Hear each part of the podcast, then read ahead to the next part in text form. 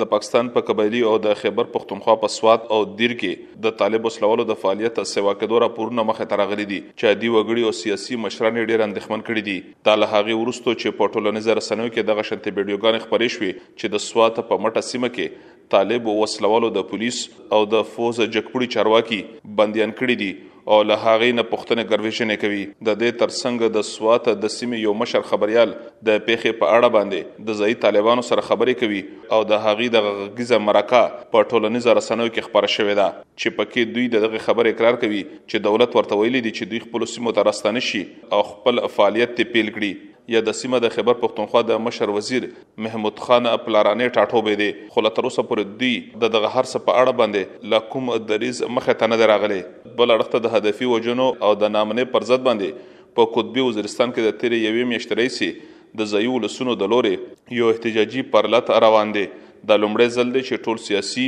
مذهبي او ټولنیز فعالان په دغه پرلت کې ګډون لري په سیمه کې د بدلیدونکو حالاتو او د ناامنۍ په اړه باندې د پښتنو کمپرست ګوند عوامي نیشنل د لورې د پښتون قامي امن جرګې په نوم باندې یو لوی غونډه د اګست په شپاړسمه نیټه په باچا خان مرکز پېښور کې رابللې ده د دغه جرګې د نور جزئیاتو په اړه مو د عوامي نیشنل ګوند د ځوانانو د څنګه مشر خان زمان کاکړ سره مرکه کړې ده او په پیل کې مو ترې پوښتلي دي چې په باچا خانه مرکز کې د کېدونکې جرګې اساسي مقصد څه دی؟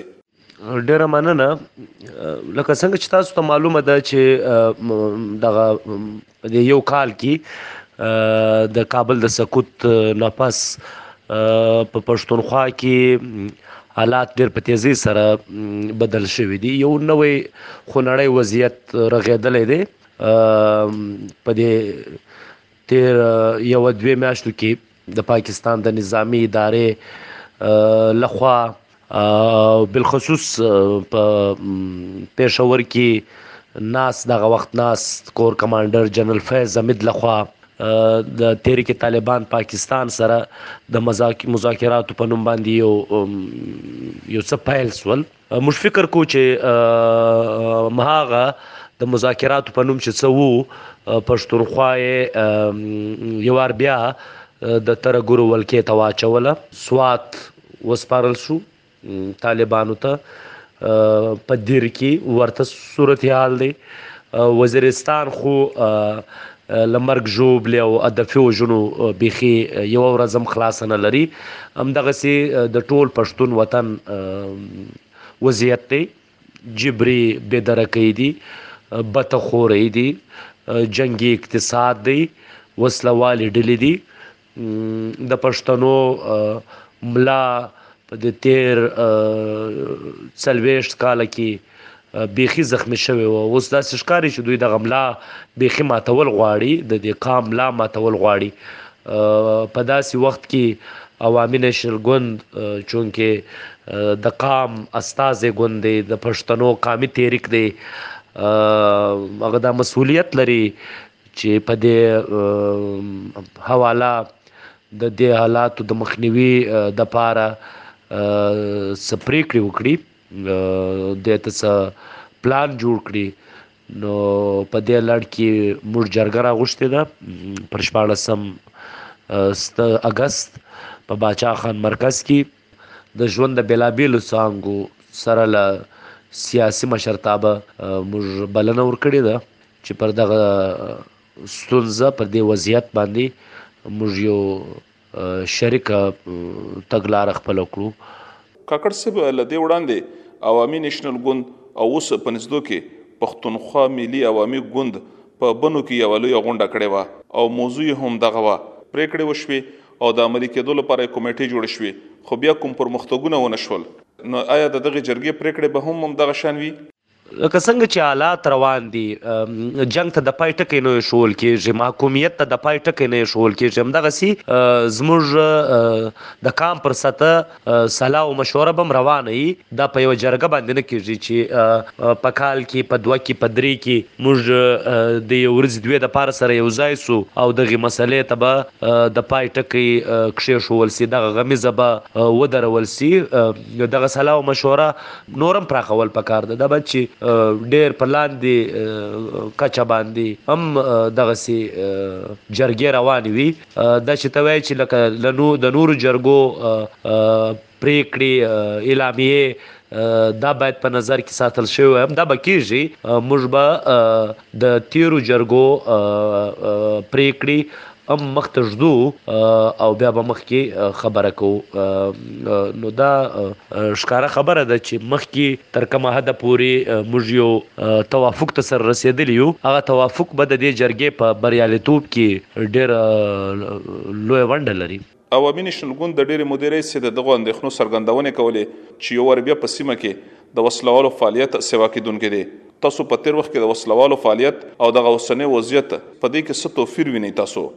د بدقسمتۍ خبره دا ده چې عوامي نېشنل ګوند کله هم په داسې حالاتو کله چې بیخي دغه غمیزه پیل کېده په افغانستان کې په د اویایمې لسیزې په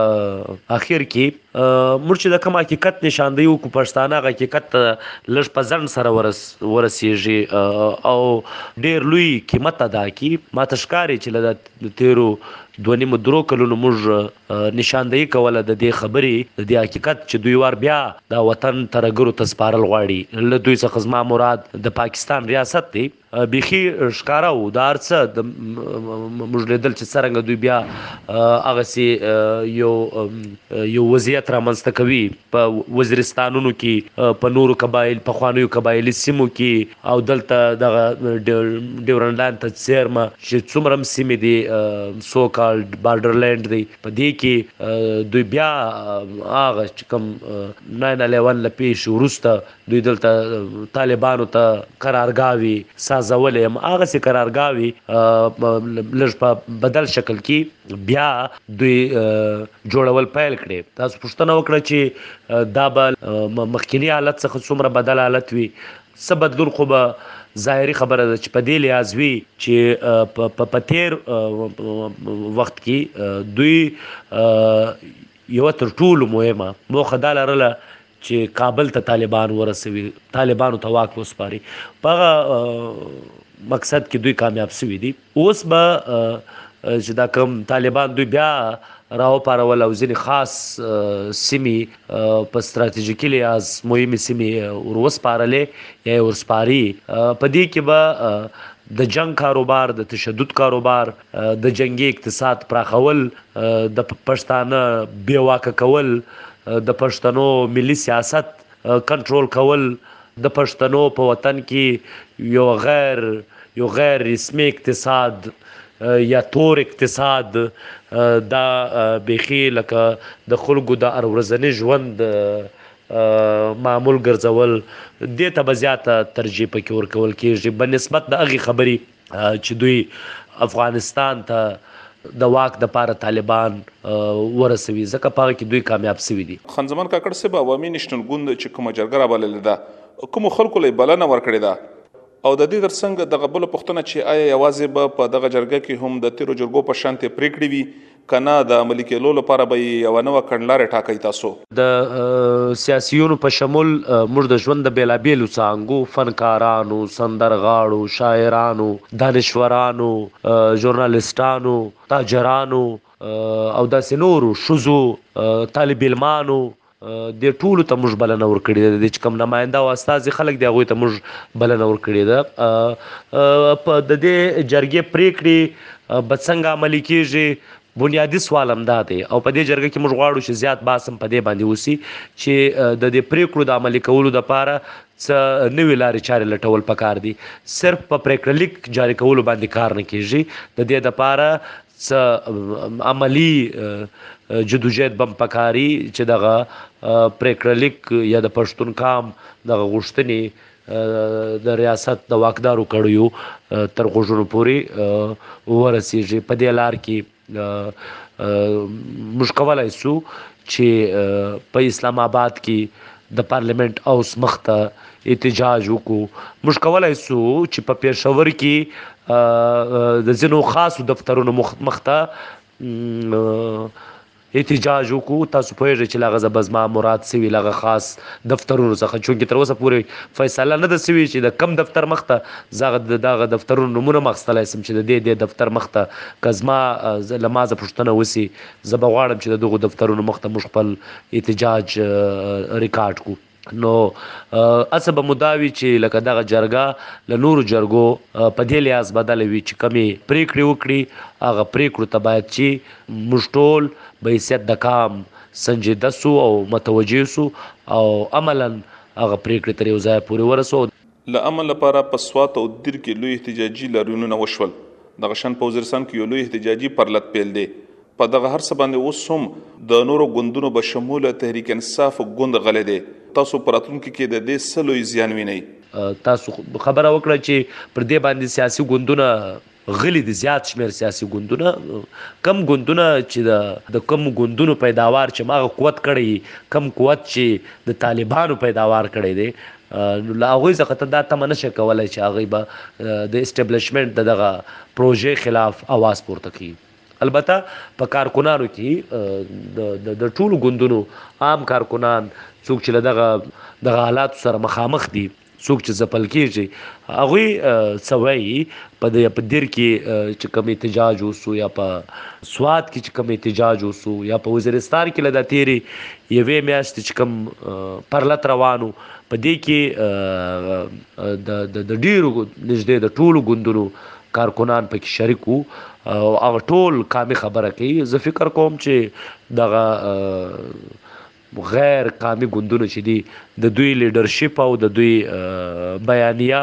او پښتون قام دا به له یو بله ډېر زر بېل سي. پښتانه ډېر په تېزۍ سره قامي تحریک ته متوجه سوي دي، د قامي تحریک په طرف یې سترګي را اوښتي دي او چې کله د پښتنو فعالیت په خپل قامي تحریک کي روان سي نو بیا دغه حالات تر ډېره پوري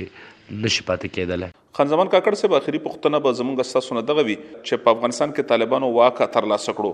دلته کې د طالب وسلوالو سره د امن لپاره خبرې کیږي خو دا خبرې بل شان دي خو وسلوال د تیر وخت په شانته خپل فعالیت کول غواړي تاسو په پاکستان کې د پښتون میشت سیمو وضعیت یا حالات څه ګورئ که رښتیا خبره وکړم زه ډاډه نه یم زه خوشبین نه یم په افغانستان کې چې موږ څومره لوی تاوان وکړو څومره لوی تاوان روان دی موږ کوو زه فکر نه کوم چې له دې تاوان څخه موږ داسې په اسانه ځان را ایستلی سو وخت به لګېږي زه باور یم چې کام به یو ورځ د خپل سرنوشت د بدلولو دپاره څه قیام خامخا کوي څه فیصله به خامخا کوي خو په نږدې وخت کې چې په افغانستان کې کم کومه بلواکي ده د افغانستان استقلال چې څنګه لمنځه تللی دی نو فکر نه کوم چې په نږدې وختونو کې دی موږ شی ورځي ولرو یا د شو ورځو په طرف دی لارو باسو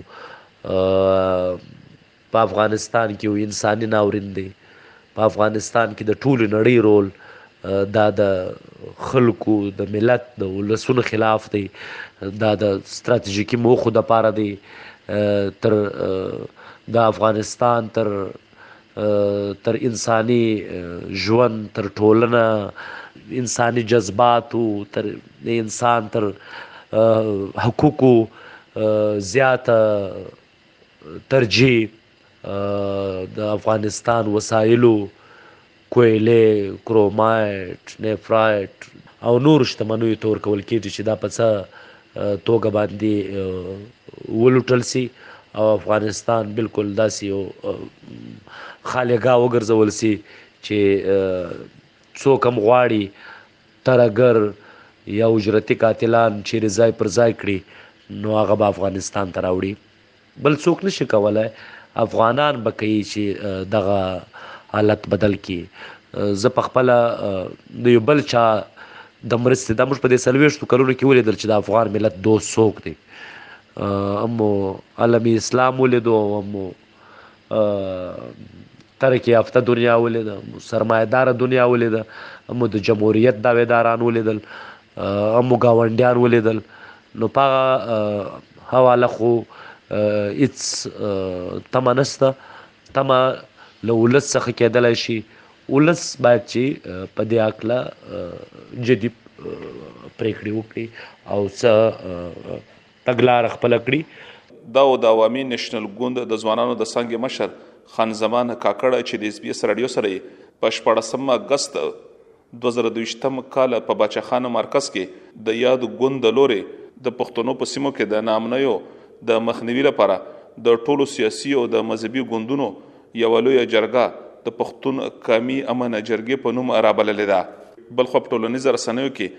د پاکستاني طالبانو ځنې دغه شانتي غږیز پیغامونه خبر شوې دي چې پکې دوی د پیښور د فوز مشر په اړه باندې دغه دریز خپل کړی دی چې د دوی سره د بیرته دراتګ لپاره خبرې کړې دي او دوی ته په آزاد ډول باندې په خپل سیمو کې د فعالیت کولو اجازه ورکړې ده خو لا تر اوسه پورې د فوز په دې اړه باندې کوم دریز یا خبرګون مخه ته نه دراغله بلخو د خبر پښتونخوا د بیلابیلو سیمو نه دغه راپورونه ترلاسه شوې دي چې په امنیتي ځواکونو باندې د ماین چاودنې شوې دي چې پکې دوی ته مرګ او ژوبلې اوړېدلې دي.